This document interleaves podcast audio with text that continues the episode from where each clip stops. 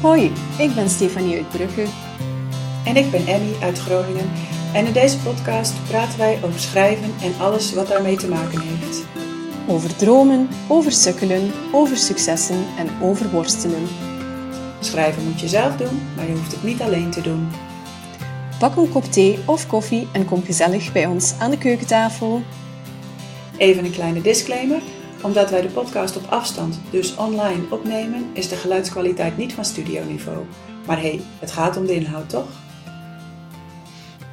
Hey, hallo! Alweer een nieuwe aflevering van Schrijfpraat. Aflevering 34 zie ik uh, in mijn uh, schriftje staan. Uh, en vandaag hebben wij weer een gast. En dat is Marlen Visser. Goedemorgen Marlen. Hey, goedemorgen. Superleuk dat je erbij bent.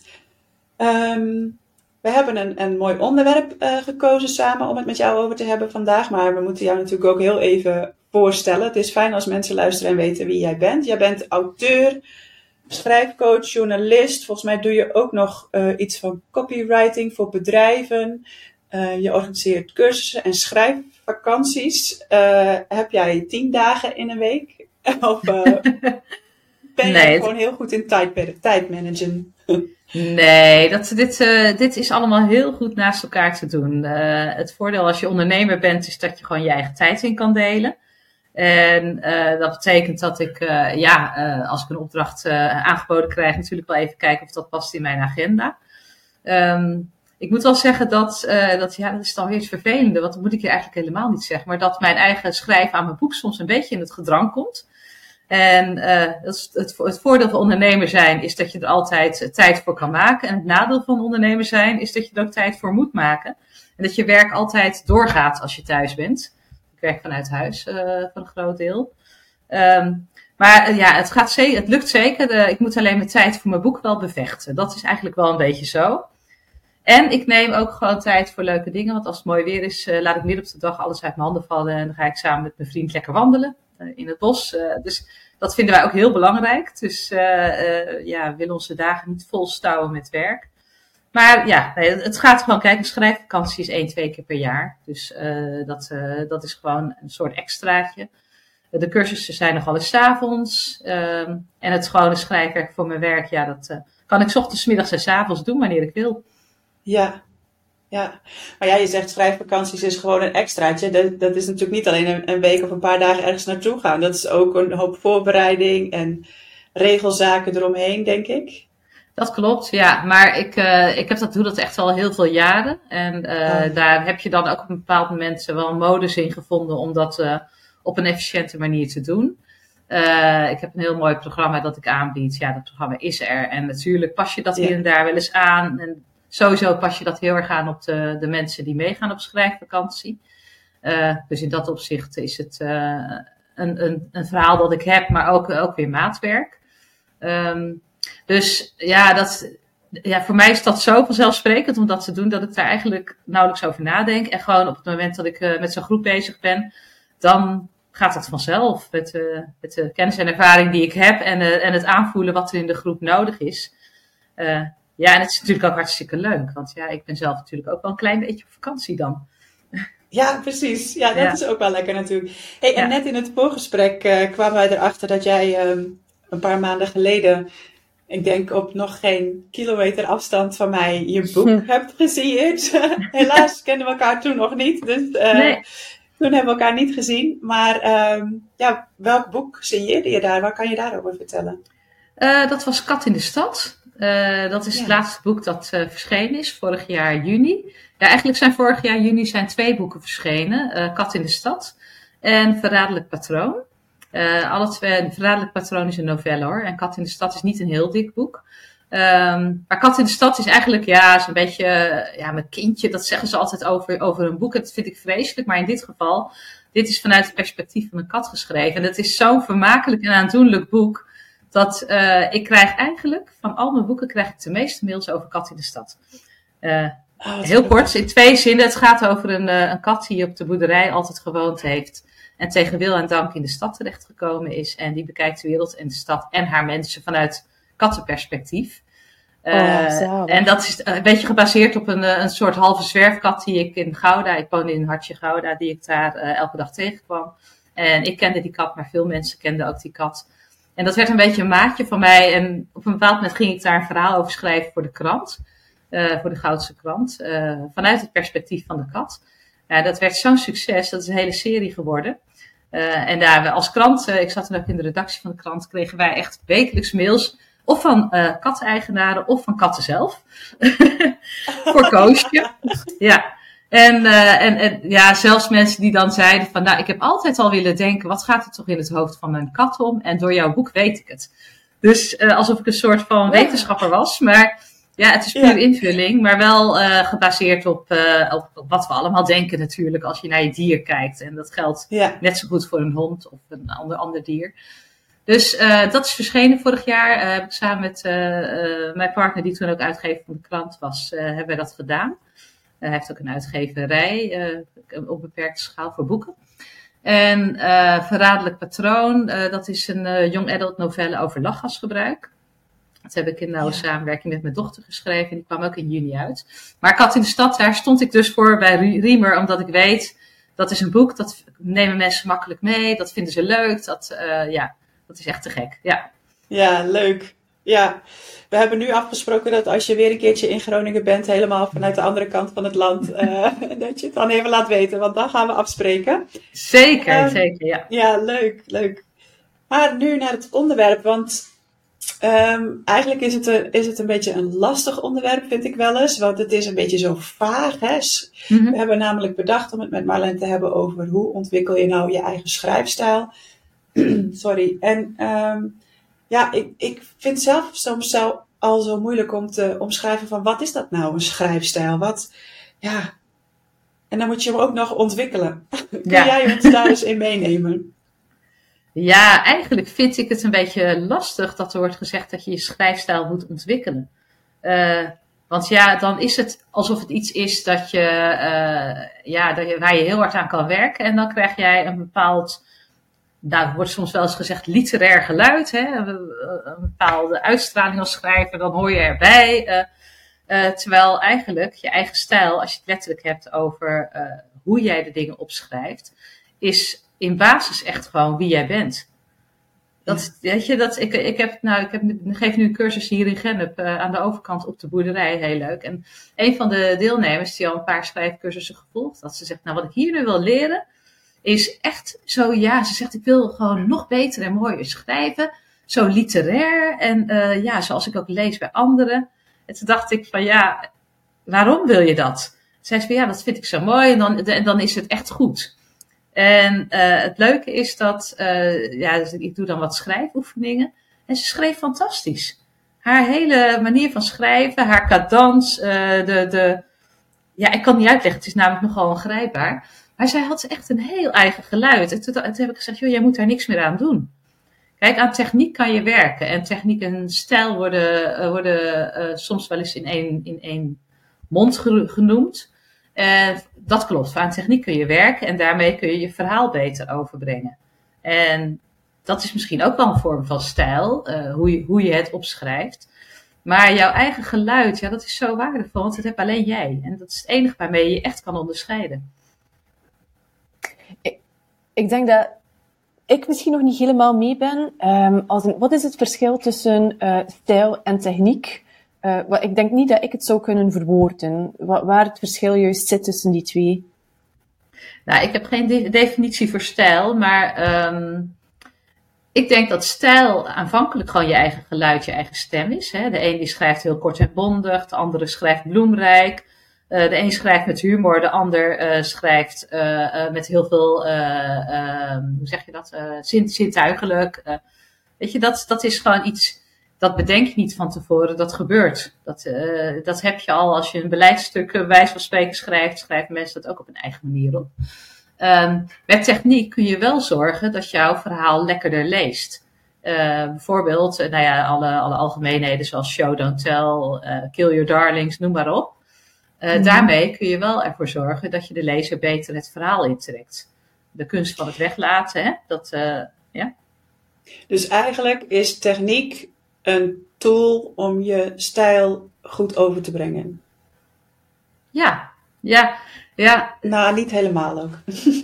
techniek, techniek is in mijn ogen uh, een tool om de lezer het verhaal in te trekken. Kijk, op het moment dat je heel, heel uitleggerig schrijft, dan uh, trek je de lezer het verhaal niet in, want dan slaat het dood en dan denkt de lezer, ja, nu weet ik het wel.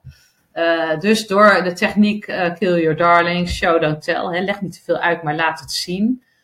werk met, met sprekende details, maar ga niet hele grote, uitgebreide omschrijvingen gebruiken, maar liever één treffend detail. Dat is allemaal techniek waarmee je zorgt dat jij niet alles voorkoudt als, als schrijver, maar de lezer de film in zijn hoofd laat ontstaan. Of bij de lezer de film in zijn hoofd laat ontstaan. En dat is heel goed te leren. Ik heb, uh, en, en, en, het grappige is wel dat uh, die technieken die ik dan in mijn uh, schrijfcursus geef, die vallen wel onder het thema stijl, want ja, zo heet dat dan die avond. Ehm, ja, dus dat is misschien een beetje verwarrend. Maar dus, dus ja, je stijl tussen aanhalingstekens kan wel beter worden als je je technieken beheerst. Maar ja, eigenlijk is gewoon je eigen geluid, hoe jij schrijft, hoe jij je gedachten verwoordt, uh, of de gedachten van jouw hoofdpersoon, dat is wie jij bent. En eh, daar gaat de lezer ook in mee of niet. Oké, dus um, dan zijn we er. Want uh, de vraag was: hoe ontwikkel je je schrijfstijl? Nou, die ontwikkel je niet, want die heb je al. ja, die, ja, je ontwikkelt je technieken en dan wordt je stijl wellicht beter, hè? Ja. Uh, maar, maar in basis is het wie je bent, vind ik vind het wel een heel mooi advies aan beginnende schrijvers. Die inderdaad misschien net als die cursist van jou denken van ja, maar ik moet uh, schrijven zoals die schrijver die ik zo graag lees. Of zoals die waar, waar het dan literatuur genoemd wordt. En uh, terwijl jij zegt nu nee, je moet gewoon heel goed kijken naar wat is jouw geluid, wat is jouw stem, hoe schrijf jij. Zorg dat je de technieken kent om je verhaal goed over te brengen. En dan is het ook oké. Ja, ja, en dan mag je zelfs uh, alle schrijfdogma's weer naast je neerleggen. Want ook dat is stijl, hè? Uh, bedoel, er wordt altijd gezegd show don't tell. Maar er zijn ook schrijvers die dat wat minder toepassen. En daar bewust voor kiezen. Ik denk dat het met die technieken belangrijk is dat je, dat je ze herkent. Dat je weet hoe je ze toepast. Dat als je aan het herschrijven bent met name, dat je dan er alert op bent. Maar je kunt ook denken van ja, maar nee, hier ga ik het gewoon, laat ik dit wel staan. Want daar heb ik een hele goede reden voor. Dus je mag ook wel eigenwijs zijn als schrijver. Maar het is wel fijn als je, als je je technieken beheerst. Want anders loop je als met name beginnende schrijver het risico dat je toch te veel gaat uitleggen. Want dat is gewoon wat je aanvankelijk vaak doet. Hè? Ja. En daar, zit ook een verklaring, daar is ook een verklaring voor. Want als je aan het schrijven bent, zeker in je eerste versie, uh, ben je zelf ook nog een beetje aan het onderzoeken waar dat verhaal naartoe gaat. Dus je hebt zelf ook al die extra details en dat, uh, ja, dat, dat zoeken van wie is dit nu eigenlijk, wie is deze persoon. Uh, dus voor je het weet ben je een halve pagina uh, uh, de biografie van je hoofdpersoon aan het delen. Omdat je zelf daar nog niet helemaal uit bent. Dus ja. um, wat ook een advies is, is uh, schrijf je eerste versie maar zo vrij mogelijk. En, be en bekommer je niet te veel om die, om die technieken. En nou, de stijl helemaal niet, maar die technieken ook niet. Schrijf gewoon lekker die hele eerste versie op. En de tweede versie, dan ga je echt met, ja, met die hele strenge bril ja. ga je kijken van, goh, waar heb ik te veel uitgelegd? Uh, waar uh, ben ik niet consistent? Uh, waar is het te, te clichématig of te voor de hand liggend? Nou ja, er zijn natuurlijk wel honderd dingen waar je op kan letten als je aan het herschrijven bent. Maar dan moet je er scherp op zijn. En dan kun je echt een slag, een verbeterslag maken, waardoor het verhaal gewoon lekkerder leest en meer aan de verbeelding overlaat. Ja. En ik zit, want ik had ook een beetje wat opgezocht alvast hè, over hoe ontwikkel je schrijftaal. En wat ik, wat ik dan op internet vond, is dat je vooral twee dingen eigenlijk. En heel veel schrijven. Om je mhm. eigen stem te leren herkennen. Ja. Um, en heel veel lezen om te kijken van wat vind ik nou mooi en waarom vind ik dat precies mooi. Is dat iets wat jij mensen bijvoorbeeld dan ook adviseert? Of? Ja, ik denk dat, uh, dat dat alle twee heel goed is. Uh, veel lezen, dat betekent gewoon dat je, ja, dat in jouw hoofd uh, er, er een mechanisme ontstaat ja, dat je, dat je makkelijke verhalen gaat schrijven. Kijk, ik zeg altijd tegen mijn cursisten, want sommige mensen, ik heb wel eens een cursist en die heeft nog nooit iets geschreven. En die gaat echt uh, cold turkey mijn cursus in. En dan zegt uh, diegene van, ja, ik heb nog nooit wat geschreven, dus ik weet echt niet of ik het kan. En dan leg ik uit van, luister, wij zijn als mensen van jongs af aan met verhalen opgegroeid. Ja. Uh, weet je, als kind word je voorgelezen, je kijkt films. de meeste mensen, of veel mensen lezen boeken. Nou, degene die cursus bij mij volgen, vrijwel altijd. Ik zeg dus, ieder mens kan een verhaal opschrijven. Dat, dat is niet heel ingewikkeld. Want wij weten gewoon, onze hersenen weten al hoe dat werkt. Er is een begin, Ja. een midden, een eind. Er gebeurt iets spannends of onverwachts. Dat hoef je niet uit te leggen. Dat gebeurt gewoon. Dus, ehm, dus maar door, door heel veel te lezen, eh, wordt dat nog meer gewoon en, en, en, en eenvoudig. Omdat, eh, ja, het wordt een soort gewoonte om dat in je hoofd ook te, te, te ja, hoe zeg ik dat? Ehm, in je hoofd wordt het nog duidelijker hoe je goed verhaal opschrijft als je heel veel leest. Ja. Dat je dan nog meer ervaring opbouwt in het, eh, in het opnemen van verhalen in, jouw in jouw brein. Ja. En eh, ja, dan gaat dat voor jezelf natuurlijk ook makkelijker. Ja, en ik, wat ik zelf ook wel denk, is dat je bijvoorbeeld ook, ehm, eh, wat, wat, jij had het ook al even over cadans in een verhaal. Ik denk, Ja. Dat is ook zo belangrijk. En ik heb zelf het gevoel dat ik dat ook heel erg leer van lezen. Dat je dat, je dat ritme gaat voelen van een verhaal, van zinnen, van alinea's. En dat je, ja, dat je dat ook heel goed kan gebruiken als je zelf aan het schrijven bent. Klopt, ja, ja klopt. En eh, ja, dat is, eh, dat is een trucje dat, dat wel vaker gedeeld wordt. gewoon hardop voorlezen. Dat Ja. werkt zo goed. Ik heb Ja. voor Storytel heb ik een eh, Storytel Original geschreven. Dat is eigenlijk een boek van 90.000 woorden in 10 afleveringen gehakt. En eh, nou, dat had ik geschreven. Eh, het is geredigeerd uiteraard. En ik heb dingen herschreven. En uiteindelijk was het helemaal klaar. En, en toen heb ik dus die 90.000 woorden nog aan mezelf voorgelezen. Waarom? Omdat het een luisterserie was en ik het heel belangrijk vond dat het lekker luisterde.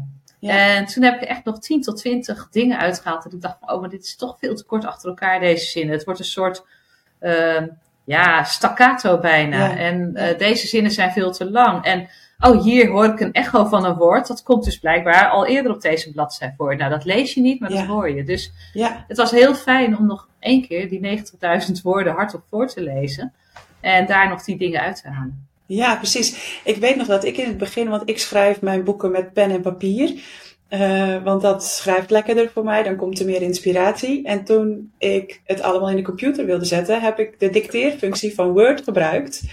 Eh, dat is niet helemaal vlekkeloos, maar ik had precies dezelfde ervaring. Dat ik dacht, oh hè, maar dat, dit, dit loopt helemaal niet lekker. Of eh, ja, dan heb je eigenlijk ook meteen de kans om te kijken hoe, hoe het met je ritme zit. Ja, Klopt, ja, klopt. Dat, eh, Ja, dat werkt heel goed. En dat geldt niet alleen voor boeken, maar eigenlijk voor alles wat je schrijft. Als je een wat lastige mail schrijft naar iemand, hè, dan eh, lees hem even hardop voor. En je hoort ineens hoe hard iets klinkt. Dat je denkt, oeh. Ja. Zo komt het ook bij de ander binnen. Misschien moet ik het toch wat nuanceren. En Niet dat ik dat soort mails schrijf over het algemeen. Maar eh, je hebt wel eens een wat gevoelige mail dat je denkt, nou, ik lees hem even hardop voor voor mezelf. En Ja. ja, ja dan, vaak pas je dan nog iets aan. Dus dat is in het hele leven toepasbaar op alles wat je schrijft. Ja, dat is een goeie, ja, want zo had ik hem nog niet gezien. Ja. dat is mooi. Ja, en veel schrijven, hadden we het nog even over. Hè? Mm. Is Ja. dat ook iets waarvan je denkt, daar, Zeker, daar ga je ja. je eigen schrijfstijl herkennen misschien ook? Ja, ja, ik denk dat je vrijer wordt eh, eh, om, om, om te schrijven. Eh, weet je, in het begin ervaar je toch wel wat drempels en zijn er veel onzekerheden. Dus het is belangrijk dat je je vrij voelt om te schrijven en dat je accepteert dat de eerste versie van wat je ook schrijft, dat dat gewoon nog maar het begin is en eh, ja, dat dat niet vlekkeloos is. Dus eh, het, het je vrij voelen om te schrijven en daardoor het plezier behouden is echt heel belangrijk. Dus als je veel schrijft, dan denk ik dat, ja, absoluut ga je dat ontwikkelen. Dat zijn gewoon de vlieguren die je maakt. Ja, En wat ook, eh, wat ook goed helpt, en dat heb ik gedaan naast het schrijven van mijn debuut, is do- meedoen met schrijfwedstrijden. Ehm, dat heeft heel veel voordelen. Eh, allereerst eh, moet je af en toe uit je comfortzone, want ja, je moet over een thema schrijven dat door een ander bedacht is. Eh, wat tegelijkertijd ook weer prikkelt, hè? want je wordt ook vaak weer op, op leuke ideeën gebracht als een ander zegt, je moet over dit thema schrijven. Ja. Ehm, maar verder leer je ook om, om te beperken in woorden, want ja, er zit altijd een max aan het aantal woorden, dus je zult moeten schrappen. Je leert omgaan met deadlines. Ehm, eh, je kunt eh, af en toe even een lichtpuntje hebben, want eh, het schrijven van een boek, dat is gewoon een behoorlijk groot project. En zo'n Mhm. schrijfwedstrijd, dat is gewoon even de korte baan. En als je dan ook nog eens een keer geselecteerd wordt voor een bundel, of, eh, of, je, of je, je wordt genomineerd, of je, ja, whatever. Dan, eh, dan is dat gewoon even een lichtpuntje dat je ook even nodig hebt in dat, in dat grotere proces waar je mee bezig bent. Want ja, de zekerheden of jouw boek uiteindelijk wat gaat worden, of je een uitgever vindt, die zijn vaak wat minder groot. Dus ik heb dat eh, daar, ik heb volgens mij, eh, ik denk dat ik wel met, uh, toen ik mijn debuut schreef, wel met twintig schrijfwedstrijden meegedaan heb, als het niet meer is. En uiteindelijk heb ik hier in de boekenkast 15 verhalenbundels staan. Met een verhaal van mij erin. Uh, Omdat dat dan geselecteerd werd. en dat, ja, dat geeft de burger moed. En dat heb je ook nodig. Dat is wel mooi dat je dat zegt. Want ik dacht dus de hele tijd, ja, ik heb echt geen tijd voor schrijfwedstrijden hoor. Ik ben met dat boek bezig. En ja. oh, wanneer moet ik dan nog andere verhalen schrijven? Hoe ga ik dat dan doen? Maar het is wel mooi wat je zegt. En het is, het is lekker dat het een soort afgerond kort iets is. Hè? Het, het, heeft een, een, heel duidelijk begin en eind. Terwijl je met je boek soms ja, denkt, ja, waar gaat het eindigen en, en hoe lang gaat het eigenlijk allemaal nog duren? Mhm. Dus dat vind ik wel een mooie om het op die manier juist helemaal andersom te zien. Ja, en het inspireert ook weer. Want uh, het grappige is dat uh, mijn boek Stem, want uh, mijn debuut was eigenlijk een, een, boek dat ik schreef voor Stem, dat, toen, dat ik toen even geparkeerd heb. Maar mijn boek Stem, dat uiteindelijk mijn debuut werd, is ontstaan doordat ik voor een schrijfwedstrijd een onderwerp zocht. En ik zag een, ah. ja, ik was een beetje aan het surfen op internet en ik zag een, een auditie van een, uh, een, deelnemer van het Britse X-Factor. En die liep helemaal uit de hand, want zij uh, kon niet omgaan met kritiek. Uh, zij is gaan schelden en vloeken. ze heeft camera's weggeslagen en haar microfoon op het podium gesmeten. En toen dacht ik oh, daar zit een verhaal in, weet je wel. Dat de geobsedeerde kandidaat van de talentjacht op tv, à la The Voice. En daar was ik met een kort verhaal bezig, maar ik had ineens zoveel inspiratie dat er gewoon een heel boek uit ontstaan is. Dus je ziet, je bent het niet van plan, maar door zo'n schrijfwedstrijd ben ik gewoon op dat, op dat pad gekomen. En uh, daarmee ben ik uiteindelijk ook gedebuteerd. Dus, dus het aanboren van nieuwe, nieuwe schrijfervaringen kan je ook ineens weer andere dingen brengen. Plus, wat, wat ook echt fijn is, uh, nou in coronatijd was dat niet zo, maar toen deed ik geen schrijfwedstrijden meer hoor. Na het debuteren ben ik dat niet meer gaan doen. Maar uh, voor die tijd, als je dan een wedstrijd had, had je ook vaak een prijsuitreiking. Nou, dan kom je weer gelijkgestemden tegen. Daar heb ik weer leuke contacten aan overgehouden. En het is voor je schrijf-cv naar de uitgevers is het ook fijn. Dus nou, het heeft wel vijf, zes voordelen om aan schrijfwedstrijden mee te doen. Dus ik kan het echt iedereen aanraden. Ja. Mooi. Het zijn allemaal oplaadmomentjes. Ja. Die momenten dat je je werk kan tonen, uh, dat je wat bevestiging krijgt dat je op de goede weg bent. En er rollen inderdaad heel vaak uh, ja, nieuwe dingen uit verder. Uh, ik dacht daarnet van, maar ik ben super stil. Dat komt trouwens omdat er heel veel dingen door mijn hoofd gaan, terwijl ik naar jullie luister. Zoals het um, in het begin denk ik net over het luid op voorlezen uh, van moeilijke mails op je eigen werk. Ik moest eigenlijk denken aan een quote van uh, Maya Angelou. En die zei dat woorden altijd een menselijke stem nodig hebben om ze diepere betekenis te geven. Oh, wat een mooie quote, zeg. Ja, mooi hè, mooi hè. Um, dus dat is zeker nodig om, om, om teksten uh, dieper te begrijpen. Um, en ik, ik, moest ook denken over de titel eigenlijk van deze podcast, uh, of het onderwerp dat we gekozen hadden, ontwikkelen van je eigen schrijfstijl. En dan, jij die zei van schrijfstijl is iets dat je hebt, dat kun je niet ontwikkelen. En toen dacht ik, oh, uh, is dat zo? Moeten we dan de titel veranderen naar techniek? En er ging echt van alles door mijn hoofd, ook over klank. Omdat eigenlijk is klank, um, onze, onze, sorry, ik ga de filosofische tour op, hè. stop mij als ik te ver ga. Ja, leuk. Uh, maar onze eigen klank is, is iets wat, ik zie Emmy al lachen, daar gaat ze weer. Uh, sorry, maar klank, onze eigen klank is iets wat dat ook aangeleerd is. Klank is niet iets wat wij hebben. Wij leren klank door de ander. Wij hebben een, als kind een ouder nodig om, om, te, om ons die klanken aan te leren. Dus ik, ik vraag mij eigenlijk, um, af of dat stijl dan echt iets is wat, wat dat we hebben, of dat dat ook is wat dat we moeten aanleren, aangezien dat klank in fundament al iets is wat dat we aanleren. Dus, dus ik was helemaal weg, vandaar dat ik zo stil was mm daarnet. Ja, um, ja. En dan denk ik van, ja, dat we soms toch die ander nodig hebben om ons, om ons die stijl aan te leren, omdat dat niet iets is wat, wat in ons zit, denk ik. Um, ja, ja. Zeg maar, want ik dacht dat je iets zou zeggen. Ja, ja, nou, ik, uh, um, zoals je als mens eigenlijk een soort blanco geboren wordt, uh, maar wel uh, met, met een bepaalde persoonlijkheid. Hè, je hebt nurture mm -hmm. en nature.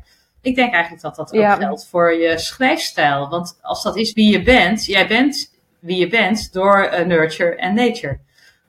voor een deel persoonlijkheid, voor een deel gevormd mm -hmm. door opvoeding, omstandigheden, noem maar op. Um, dus dat zou heel goed kunnen. En mm -hmm. dat is mhm. even, even hardop denkend, dat dat ook voor je schrijfstijl geldt. Maar in basis denk ik wel dat het ook echt wel met persoonlijkheid te maken heeft.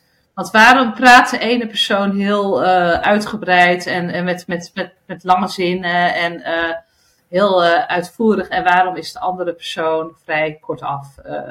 daar zit ook een groot verschil in. Dat is ja, vaak ook wel een stukje persoonlijkheid. Voor mij bleef het, bleef het uh, bijna, bijna een vorm van opvoeding, toch hoor. Uh, maar ik, ik wil er echt zo graag een keer uh, verder over nadenken. En misschien een keer een volledige aflevering aanwijden ja. over dit onderwerp. Wat ging je zeggen, Emmy? Want ik, ik, zeg, ik heb je ook weer onderbroken. Uh, nee, ik ging zeggen, een van de feedbackpunten van de redacteur die ik vorig jaar kreeg, was dat mijn schrijfstijl een beetje aandeed als een jeugdboek. Oké. Okay. Mm-hmm. En dat was niet de bedoeling, dus daar heb ik, heb ik wel naar gekeken. Maar ik zei dat laatst tegen een vriendin die helemaal niet schrijft. En ik, denk, ik zei ja, maar ik denk dan steeds, waarom zou je een komma zetten als je ook een punt kan zetten? Ja, zegt ze, maar zo ben jij ook, zo leef jij ja. ook. En toen dacht ik, ah ja. ja. Dat is ook wel een beetje zo. Daar geef je echt het antwoord mee, Emmy. Dat is dus wie je bent. Ja. Zo schrijf je. Dat is echt zo. Het is, uh, en en op, het, op het moment dat het niet zo is, dan drijf je denk ik Weet je, als je geforceerd probeert een andere stijl te ontwikkelen, dan drijf je ver af van jezelf. En dan zal je het nooit zo goed kunnen overbrengen, want een lezer voelt dat ook. Ergens als iets geforceerd ja. geschreven wordt, hè, je hebt wel van die boeken en er zijn, zitten echt uh, heel veel metaforen in, maar ook gewoon vergezochte metaforen. En dan denk ik, waarom nu? Je haalt het compleet uit mijn ja. verhaal, wat jammer. Had gewoon dat verhaal aan me verteld. Ja. Ja. Ja, precies. Want wat uiteindelijk overeind blijft, is ja, het, het verhaal. Het moet gewoon een goed verhaal zijn. En daarom is het soms ook lastig dat je als schrijver in, in een hokje van een genre gedrukt wordt. Zoals jij een jeugdboek. Uh, ja, of of uh, ja, is er iets dan een, een, spannende roman of een thriller? Wordt natuurlijk ook vaak gezegd van ja, het is niet echt een thriller. Want ja, het was wel spannend, maar er zaten ook heel veel gedachtegangen in. En dan denk ik van ja, het gaat gewoon om het verhaal. Het moet een goed verhaal zijn. En los van genres, weet je wel. Dat is voor de boekwinkel leuk en voor de bibliotheek. Dan weten ze in welk hokje en welke boekenkast ze de boeken moeten zetten. Als jij een goed verhaal schrijft, dan hebben mensen het erover. Ja, dan moet ik zeggen dat, uh, dat die feedback nog wel wat verder ging dan alleen de korte, ja. korte zin hoor. Ja. Dat, daar zat het niet alleen in. Maar uh, ja, ja, het is grappig. Ik moest daar ineens aan denken toen jij dit zo vertelde. Dus dacht ik, ah ja. Ja, ja. Zo werkt dat dan misschien. Ja, ja, en inderdaad, uh, ik heb ook wat moeite met het woord literatuur. Want uh, eigenlijk vind ik dat gewoon uh, een beetje ja, een beladen, elitair begrip. mensen die literatuur schrijven, dat zijn meestal de mensen die vinden dat ze zelf literatuur schrijven. En daarmee stellen ze zichzelf meteen boven schrijvers die andere genres schrijven. Hè. Feel good, ja, nee, dat is, ach, dat is een soort doktersromannetje in moderne uitvoering. En thrillers, ja, ach, thrillerschrijvers, ja, weet je wel. En niet omdat ik de thrillers schrijf hoor, want ik trek me niet zoveel aan daarvan. Um, maar het is, uh, ja, ik denk gewoon in, uh, je schrijft een goed verhaal of niet. Ja, oké, we hebben met genres te maken. Dus als je een roman schrijft, is het wel of geen goede roman. Als je een thriller schrijft, is het wel of geen goede thriller. En daar zelfs valt nog over te twisten, want wat is goed en niet goed. Dus uiteindelijk bepaalt de lezer of jouw verhaal goed is wat voor genre het is. De lezer bepaalt. Zoals ze altijd zeggen in uh, ja. bedrijfsleven, de klant bepaalt. De klant heeft altijd gelijk. Ja, de lezer heeft altijd gelijk, want dat is toch degene voor wie je het doet. En de hele sector, uh, de uitgevers, uh, boekhandelaren, de elite, de literaire elite. Ja, het is allemaal, het is allemaal de buitenkant. Maar, en, en, en, en het systeem waar iets ingepropt wordt. Maar de lezer bepaalt of een verhaal goed is voor hem of haar. En dat is het enige wat telt, vind ik. Ja. Soms denk ik ook wel eens dat het nog de vraag is of het positief is als je boek als literair bestempeld wordt. Ik heb namelijk altijd, als ik, de, als ik dat hoor, dan denk ik, nou, dat hoef ik niet te lezen. dan kom ik toch niet door dan of zo. Hè? Dat zijn vaak van die, ja, voor mijn gevoel, aan literair zit het beeld van, ja, moeilijke, lange zinnen waar ik niet doorheen kom. Ja. Waarvan ik de hele tijd denk, waar gaat het nou naartoe? Ja. En um, ja, dan, dan is het voor mij is het niet eens per se iets positiefs literair. Nee, daarom spreek ik liever over het woord een roman. Weet je, uh, je hebt romans, nou ja, daar heb je vele soorten. Uh, heel erg sober geschreven, heel erg ingewikkeld, gecompliceerd geschreven, heel erg, erg uitvoerig. Nou, die laatste vind ik ook meestal niet de beste. Maar dat is maar waar je van houdt. Maar inderdaad, ja, voor mij persoonlijk moet een boek toegankelijk zijn. En mag best wel, er mogen best wel dingen in zitten waar ik over na moet denken. Hè? Of een, als ik een keer een Zeker. zin twee keer moet lezen, vind ik het prima. Um, maar het liefst wil ik gewoon een boek waar ik helemaal in verdrink en dat ik vergeet dat ik aan het lezen ben. En dat hoop je voor je lezers ook te schrijven. Ik kan weinig zeggen, want ik ben zo'n andere lezer. Oh ja, oh vertel. Ja, ik, ik kan weinig zeggen, omdat ik hoor zoveel dingen waarmee ik eigenlijk gewoon niet mee akkoord ga. Omdat ik niet vind dat mensen die literatuur schrijven, of toch niet allemaal, um, zichzelf in de categorie elitair plaatsen. Dat gebeurt, maar ik vind dat er evenveel schrijvers zijn die dat niet doen. Dus wat ik voel is zo'n beetje van, oeh, ik volg niet en, en ik lees ook um, anders. En ik geloof niet zo in vakjes. Ik denk gewoon, een boek is een boek. Dus dat hoeft voor mij niet in vakjes per se te zitten, waarin dat iemand dan zo of anders wordt bekeken. Dus bij mij, ik voel, ik voel zo van, oeh, ik wil op zoveel reageren, maar de tijd is te kort om alles te behandelen. En ik, ik voel zoveel verschillende onderwerpen ook in deze podcast. Zo van, oh ja, mhm. we moeten het echt hebben over, over wat schrijven in zijn, um, essentie is. En nu denk ik ook van, oh wow, zijn er nog zoveel discussies over literatuur en lectuur. En denk ik van, oh my god, dit is een volledig onderwerp en nu moeten we dit zo opeens in 30 seconden behandelen. dit gaat niet. Dus mijn hoofd slaat wat tilt. Um, maar dank u wel, want we hebben onmiddellijk uh, een vijftal nieuwe onderwerpen om een keer heel uitgebreid uh, over te spreken, denk ik. Dat is zo'n beetje wat ik voel. Mijn gedachten gaan te rap om het allemaal te verwoorden. Yeah. Maar Stephanie, ik denk dat wij het in basis met elkaar eens zijn. Uh, ik hou, wat ik zeg, ik vind het ook, ik vind het ook mooi om mooie boeken te schrijven waar je, waar je inderdaad wel drie keer over een zin moet nadenken of nog eens terug moet lezen. En ik vind toegankelijke verhalen fijn. Ik heb alleen een beetje allergie voor het woord literatuur. En dat, dat, daar ben ik soms wat fel op, omdat uh, het een etiket plakt op van dit is dus kwaliteit en al het andere niet. En daar heb ik gewoon moeite mee. Dus dat mm. heeft puur met het etiketje te maken. Dat uh, ook, ook de, de, de, kwaliteitskranten die dan alleen bepaalde boeken maar bespreken.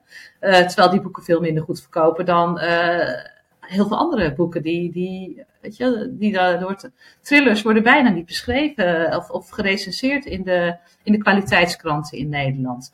Ja, dat is vreemd. Mm.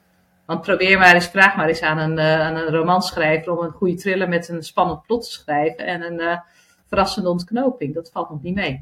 Dus het is bij mij puur het, het etiketje literatuur en, en, de, en de kwaliteit die ik, het kwaliteitslabel dat daar aangehangen wordt, waar ik moeite mee heb. Maar er zijn prachtige romans waar je echt eventjes voor moet gaan zitten, die ik ook heel graag lees. Mm. Dus dat even aanvullend. Het is een genreverschil, ja. Dank je voor de toelichting. Ja, het is gewoon eh, de definitie die, uh, die uh, ja, waar ik een beetje tegenaan hik soms. Ja. Mhm. Volgens mij wilde jij net nog iets vragen, uh, Marlen. Nou ja, uh, we hadden het over, uh, ja, ja, voordat we starten, over laat je stem horen. Dat ik daar een keer een presentatie over gegeven heb.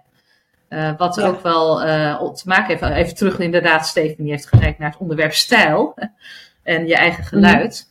Mm. ik heb inderdaad een keer een presentatie gegeven voor 400 beginnende schrijvers in Hilversum. En uh, ja, de, de organisator had gevraagd van kan jij nou iets vertellen over jouw debuteren? Want uh, ja, als de, degene die net gedebuteerd is, sta je eigenlijk het dichtst bij deze doelgroep. Dus ik denk dat ze jouw verhaal fijn vinden om te horen. En toen heb ik als rode draad, uh, heb ik Laat je stem horen. Dat was ook de titel van de presentatie. Was natuurlijk wel een beetje met een knipoog naar mijn de, debuut. Maar ik had erover nagedacht en ik dacht van ja, eigenlijk zit dat in alle, alle fasen van schrijven. Namelijk, laat je stem horen als je je, je verhaal schrijft, je manuscript schrijft. Probeer gewoon bij jezelf te blijven. Ga niet uh, op zoek naar allerlei trucjes en dingetjes om er iets van te maken, maar laat het gewoon vloeien vanuit jezelf, dat verhaal, want dan wordt het het meest authentiek.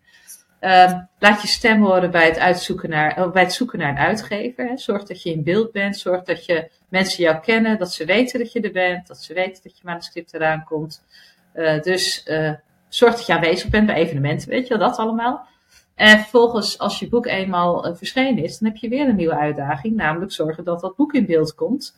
Uh, want ja, je wilt ook lezers. En ook dan moet je stem laten horen. Moet je wel, uh, ja, naar buiten. Je moet buiten gaan spelen. Je moet zorgen dat je overal bent. En ga signeren, vertellen tegen mensen. heb je een iemand aan de telefoon die jouw krantenabonnement wil verkopen, uh, zegt dan van, nou ja, ik heb geen tijd voor, want uh, ik ben een boek aan het schrijven en je verkoopt weer een boek. Dat is mij overkomen namelijk. Oh, Diegene bestelde toen meteen een boek. Diegene die aan de andere kant uh, probeerde mij de krant te kopen. dus, dus laat je stem horen is voor mij is eigenlijk, ja, hoe ik het altijd gedaan heb, van, vanaf de basis. Um, nadat ik uh, mijn allereerste manuscript, dat niet verschenen is, uh, uh, naar alle uitgevers had gestuurd en alleen maar afwijzingen kreeg, dacht ik, ik moet het anders doen. En van mij is Laat je stem horen, is eigenlijk de basis van mijn schrijfcarrière. Hè? Dat, ja, hoe, ik dat, hoe ik dat pad bewandeld heb. En dat heeft me wel geholpen. Mooi. Ik zie Emmy hard nadenken. Zo wat zegt ze nu eigenlijk allemaal? Nee, ja, je zegt hele goede dingen, maar ik, ik denk wat, wat uh, eigenlijk, eigenlijk ben ik gewoon, uh, denk ja, dit is het, dat is het gewoon. Nou ja, als je dat voor ogen houdt, dan, doe je, dan, dan, dan wandel je altijd het goede pad. Want vergeet ja. niet, uh, kijk, jij bent, jij bent degene die een verhaal vertelt op jouw manier. Hè? Dat is dan je stijl, uh, jouw schrijfstem, jouw, jouw manier waarop je het overbrengt. Maar je bent ook de auteur straks die uh, gekoppeld wordt aan dat boek en die daar onlosmakelijk mee verbonden is. En het boek verkoopt zichzelf niet. Uh, niet aan een uitgever en niet aan een lezer uiteindelijk. Dus daar ben jij zelf ook voor nodig.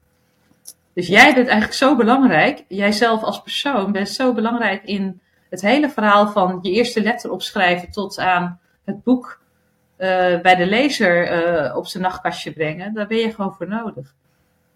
Ja. En als je dat ja. op een bepaalde manier voor elkaar krijgt. Hè, en iedereen doet dat op zijn eigen manier. Er is, je hoeft echt niet zo'n geheim type te zijn die dan overal een voet tussen de deur zet. Maar uh, ga met mensen in gesprek, praat erover. Vertel aan iedereen dat je schrijft. Ja. Dat soort dingen.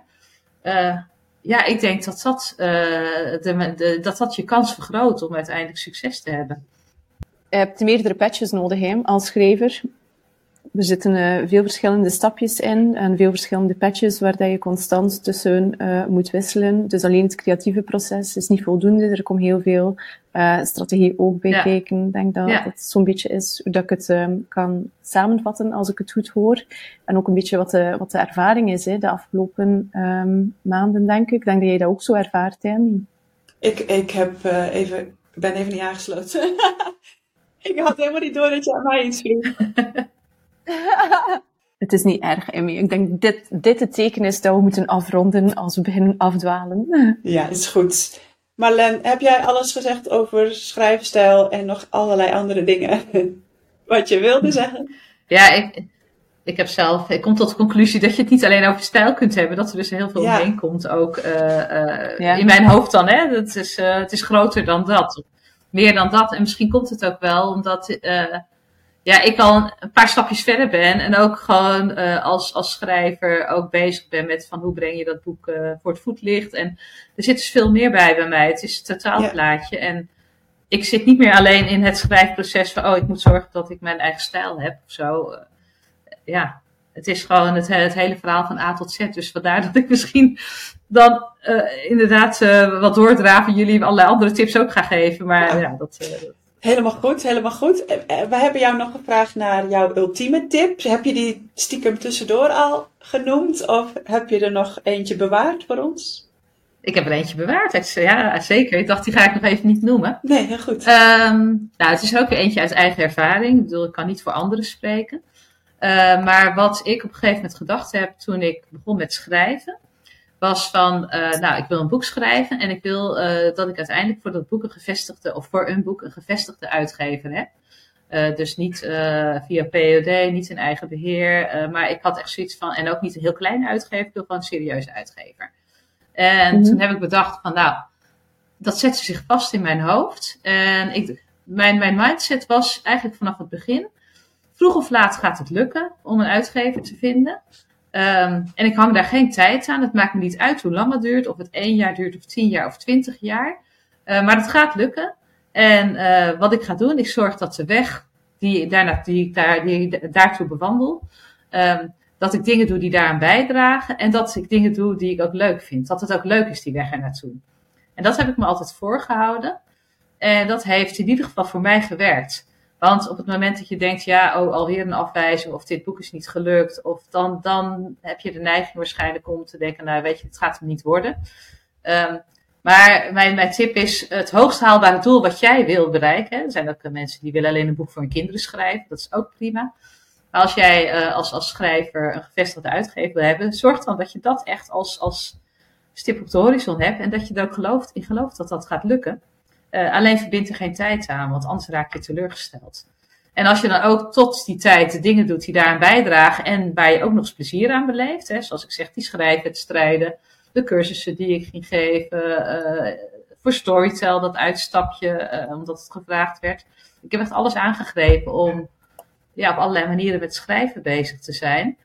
En dan zie je dat dat uiteindelijk allemaal bij elkaar komt. En dat je dan een uitgever vindt. En dat je dan nog een grotere. Ik had eerst een kleinere uitgever. Dat je nu gewoon een grote uitgever hebt. En ook nog een young adult uitgever. Uh, dus ja, dat, dat is ja, denk ik het allerbelangrijkste. En dan is, moet je vooral zorgen dat die weg er naartoe leuk is. Want heb je het helemaal bereikt. Ja, weet je, dat, uh, dat dopamine shotje, dat duurt geen, uh, geen week hoor. Want dat is op een gegeven moment ook weer normaal. Ja, het klinkt heel erg blasé, maar het is wel zo. Ik had uh, op een gegeven moment van, oh, iedereen zegt altijd, als je je boek in een winkel ziet liggen, nou, weet je, wat moet dat een geluksmoment zijn? En dan is het zover, hè. Natuurlijk in je eigen dorp ligt het, maar dan kom je ergens in een volledig andere stad en dan zie je daar je debuut liggen. En dan kijk je daarnaar en dan denk je, wow. En dan twee seconden later denk je, ja, oké, okay, daar ligt mijn debuut. Ja, misschien ben ik een beetje nuchter, maar Weet je, dus als, dat het, als je alleen maar alles daaraan ophangt, van oh, oh, oh, dat, dan, dan ben ik gelukkig als mijn boek in de winkel ligt dat duurt echt maar heel kort dat je daar heel blij van wordt. Dus die weg er naartoe heb ik veel meer van genoten dan het moment dat mijn boek in de boekwinkel lag. Ja, dat is en dat is echt, denk ik. echt heel belangrijk. is echt heel belangrijk, want anders dan kan je er beter niet aan beginnen. Want je weet ook nooit helemaal zeker of je het haalt.